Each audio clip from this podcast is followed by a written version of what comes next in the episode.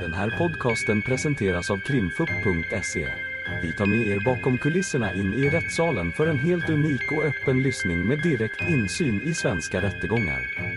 Vi vill varna för känsligt innehåll då denna podcastens fokus är brottmål och ljudfiler från verkliga förhör.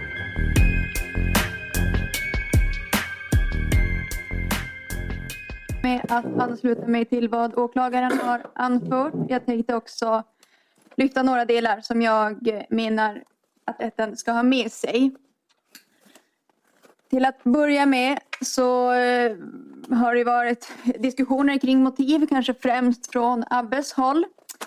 Försvaret har i olika sammanhang lyft fram att Abbe inte hade någon konflikt med Mahmoud, att han har varit nära vän med både Mahmoud och Moka eh, och att det inte skulle finnas någon anledning för honom att eh, begå det här mordet. Jag menar att det finns ett tydligt motiv till mordet och att det motivet är att Mahmoud har skickat de här meddelandena om narkotikahandeln i Söderhamn till Abbe.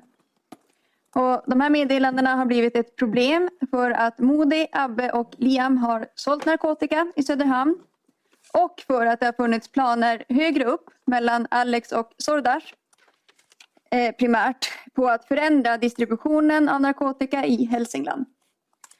Åklagaren har presenterat tydlig bevisning för att såväl Modi, Abbe som Liam eh, är inblandade i narkotikahandeln i Söderhamn. Men också för att det har funnits andra intressenter som har velat ta över narkotikahandeln i Hälsingland. För mig är det uppenbart att mordet på Mahmoud föranleddes av Mahmouds meddelanden på Snapchat i kombination med mötet där Sordas och Alex Yamane planerade att de skulle ta över narkotikahandeln. Jag menar att ett övertagande av narkotikahandeln hade varit omöjligt med andra starka aktörer på marknaden. Jag vill också säga någonting om eh, min uppfattning kring vilken kännedom Liam, Abbe och Modi har haft om vad som skulle ske på Granskärspåret. Och i det här sammanhanget så är det till att börja med intressant att titta på de meddelanden som skickades mellan Liam och Abbe under bilresan upp till Hudiksvall. Det här är de här meddelandena som jag har ställt frågor till både Abbe och Liam om när man pratar om att man ska äta upp eh, olika saker, eller personer egentligen. Eh, och de här meddelandena visar tydligt att både Liam och Abbe var väl medvetna om att de skulle hämta Rushdie och att de därefter skulle genomföra mordet. När Liam skriver han hämtar av dem menar han att Filip Bodin hämtar narkotika från Mahmouds gäng enligt min uppfattning. Det är därför han sedan skriver säg inget och avslutar med så ska han hämta så vi kan äta upp dem. Med det senare syftar Liam på att de ska hämta Rushdie så att de ska kunna äta upp Mahmouds gäng.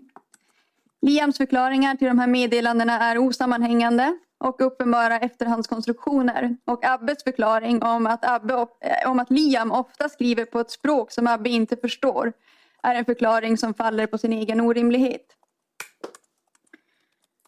När det sen gäller betydelsen av uttrycket ett upp som jag har förstått Eh, skulle vara på spanska eller franska möjligen enligt Liam.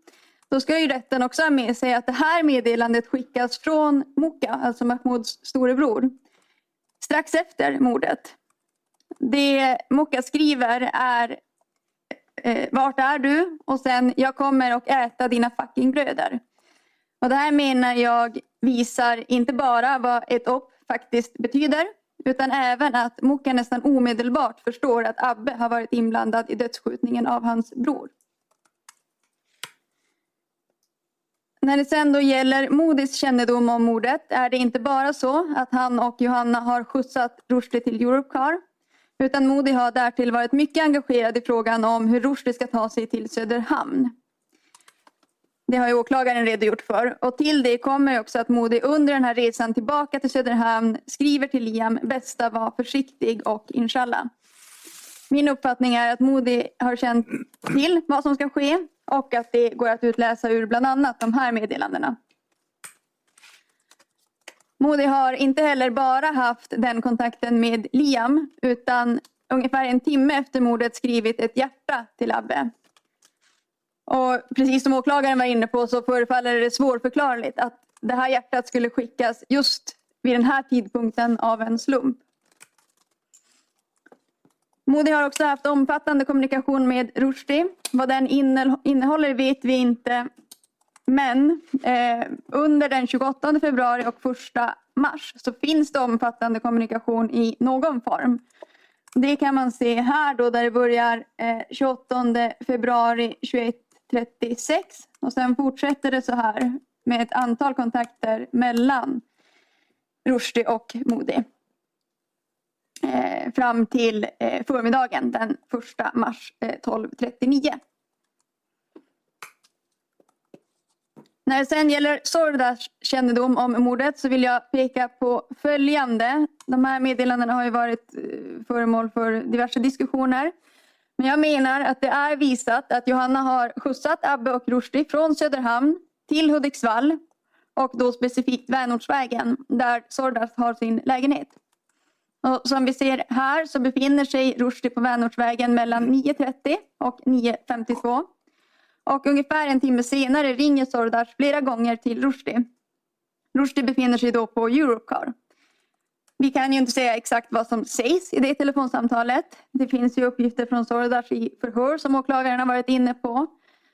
Eh, och Sordas försvar har varit inne på att det här meddelandet som efterföljer samtalen möjligen ska stavas mannen vem sa till dig att göra så istället för vet sa till dig att göra så. Jag menar att det är mycket möjligt att det ska stå vem och inte vet. Och att det Sordas är upprörd över är att Rushdie har åkt hem till Sordas familj efter mordet där hans fru och barn bor. Och att det är på grund av att Rushdie åker dit som Sordas skriver att han inte vill riskera allt för idiotier. Oavsett detta menar jag att det är visat att Sordas har haft kännedom om och deltagit i planeringen av mordet på Mahmoud. De slutsatser man kan dra av det här är enligt min uppfattning att motivet till skjutningen är en konflikt om narkotikahandeln. Jag menar att vi med säkerhet kan säga att Rushdie har hämtats från Hudiksvall till Söderhamn för att utföra det här mordet. Att Liam och Abbe har känt till och varit en del av mordet. Och att Modi, Sordas och Alex har haft kännedom om mordet och deltagit i samordningen kring det på det sätt som åklagaren har redogjort för. När det gäller påföljd ansluter, mig, ansluter jag mig till vad åklagaren har anfört. Då ska jag också säga något om skadeståndet. Det här är ju familjen Sugar. Innan Mahmoud sköts till döds den 28 februari 2022 var familjen Sugar en familj som stod mycket nära varandra. De träffades i princip varje dag.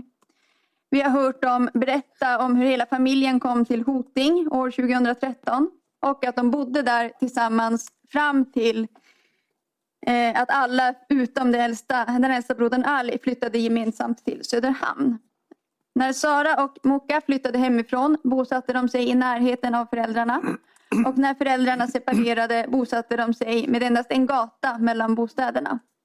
Sara, Moka, Montaha och Shad har samstämmigt berättat om att de träffade Mahmoud varje dag och vi vet också att Mahmoud bodde antingen hemma hos någon av föräldrarna eller hemma hos Sara eller Moka eh, vid olika tillfällen.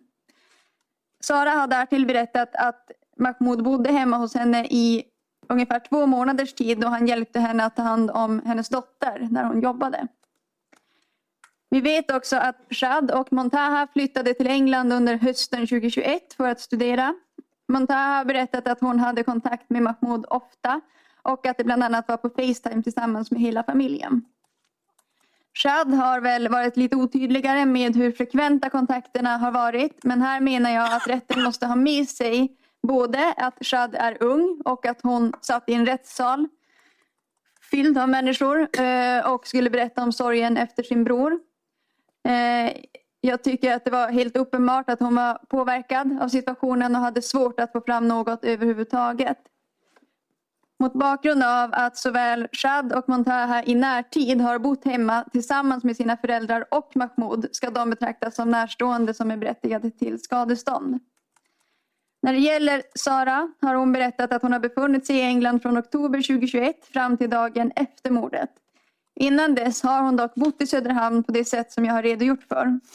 Utöver det har Sara berättat om dagliga kontakter med Mahmoud under tiden som hon bodde i England och hur hon har varit den som har tagit hand om och hjälpt Mahmoud med diverse olika saker. Sara har därtill med ord lyckats beskriva sin nära relation till Mahmoud och sin stora sorg efter honom trots den svåra situation som denna rättegång har inneburit för dem. Detsamma gäller Mokka som i och för sig hade svårare att sätta ord på sina känslor men var tydlig med att inget kan ge honom hans bror tillbaka och att han fortfarande har svårt att förstå att det är sant att Mahmoud är borta. Slutligen har vi de äldsta syskonen, Ali och Intisar. Ingen av dem har bott i Söderhamn tillsammans med övriga familjen men Mahmoud har varit en lika viktig familjemedlem för dem. Sara har beskrivit Intisars relation till Mahmoud och Ali har själv berättat om hur han saknar Mahmoud varje dag. Sammanfattningsvis så kan konstateras att Mahmoud har lämnat efter sig en familj i en enorm sorg. Därtill en familj som numera är helt splittrad och bor såväl utomlands som i olika delar av landet. Mordet har förändrat hela deras värld och som vi hörde dem beskriva själva i sina förhör den 3 april vill de se rättvisa skipas även om de aldrig kommer eh, få Mahmoud tillbaka. Jag menar att hela familjen i sina förhör har kunnat beskriva sina relationer på ett sådant sätt att det blivit tydligt att samtliga målsäganden är att bedöma som närstående i lagens mening och samtliga ska därför tilldömas begärt skadestånd. Sen är vi också i situationen att det kom en HD-dom eh, tiden efter att eh, jag hade lämnat in det enskilda anspråket. Det här är ett citat från punkt 14 i domen där det framkommer egentligen att, att man inte ska utgå från de nya värdena enbart grundat på lagstiftningen men att eh, domstolarna har möjlighet och eh, kan söka ledning i de senaste schablonnivåerna vid domstillfället. Eh, och då, därför menar jag att tingsrätten har utrymme att besluta om såväl anhörigersättning som sveda och verk till familjen. Eh, alltså genom att egentligen utveckla rättspraxis på det sätt som beskrivs här i punkt 14. Eh, min uppfattning är att en förändring av ersättningsnivåerna har varit påkallad länge. Mordet på Mahmoud inträffade knappt ett halvår innan lagändringen och att det därför föreligger skäl för tingsrätten att besluta om att, de, att familjemedlemmarna ska tillerkännas begärt skadestånd. Och det menar jag alltså inte ska grundas på lagändringen utan på att det är motiverat utifrån tidens eh, förändring och eh, att ersättningen till efterlevande under lång tid har varit alltför låg. Hava ska därtill eh, erkännas ersättning för utebliven inkomst under sjukskrivningen efter mordet och eh, Sara ska tillerkännas ersättning för begravningskostnaderna. Och med det överlämnar jag målet. Tack. Så mycket. Ni har lyssnat på ett avsnitt av Krimfupps podcast. Tipsa gärna oss på krimfupp.se om det är någon speciell rättegång ni skulle vilja höra. Tack för att ni har lyssnat.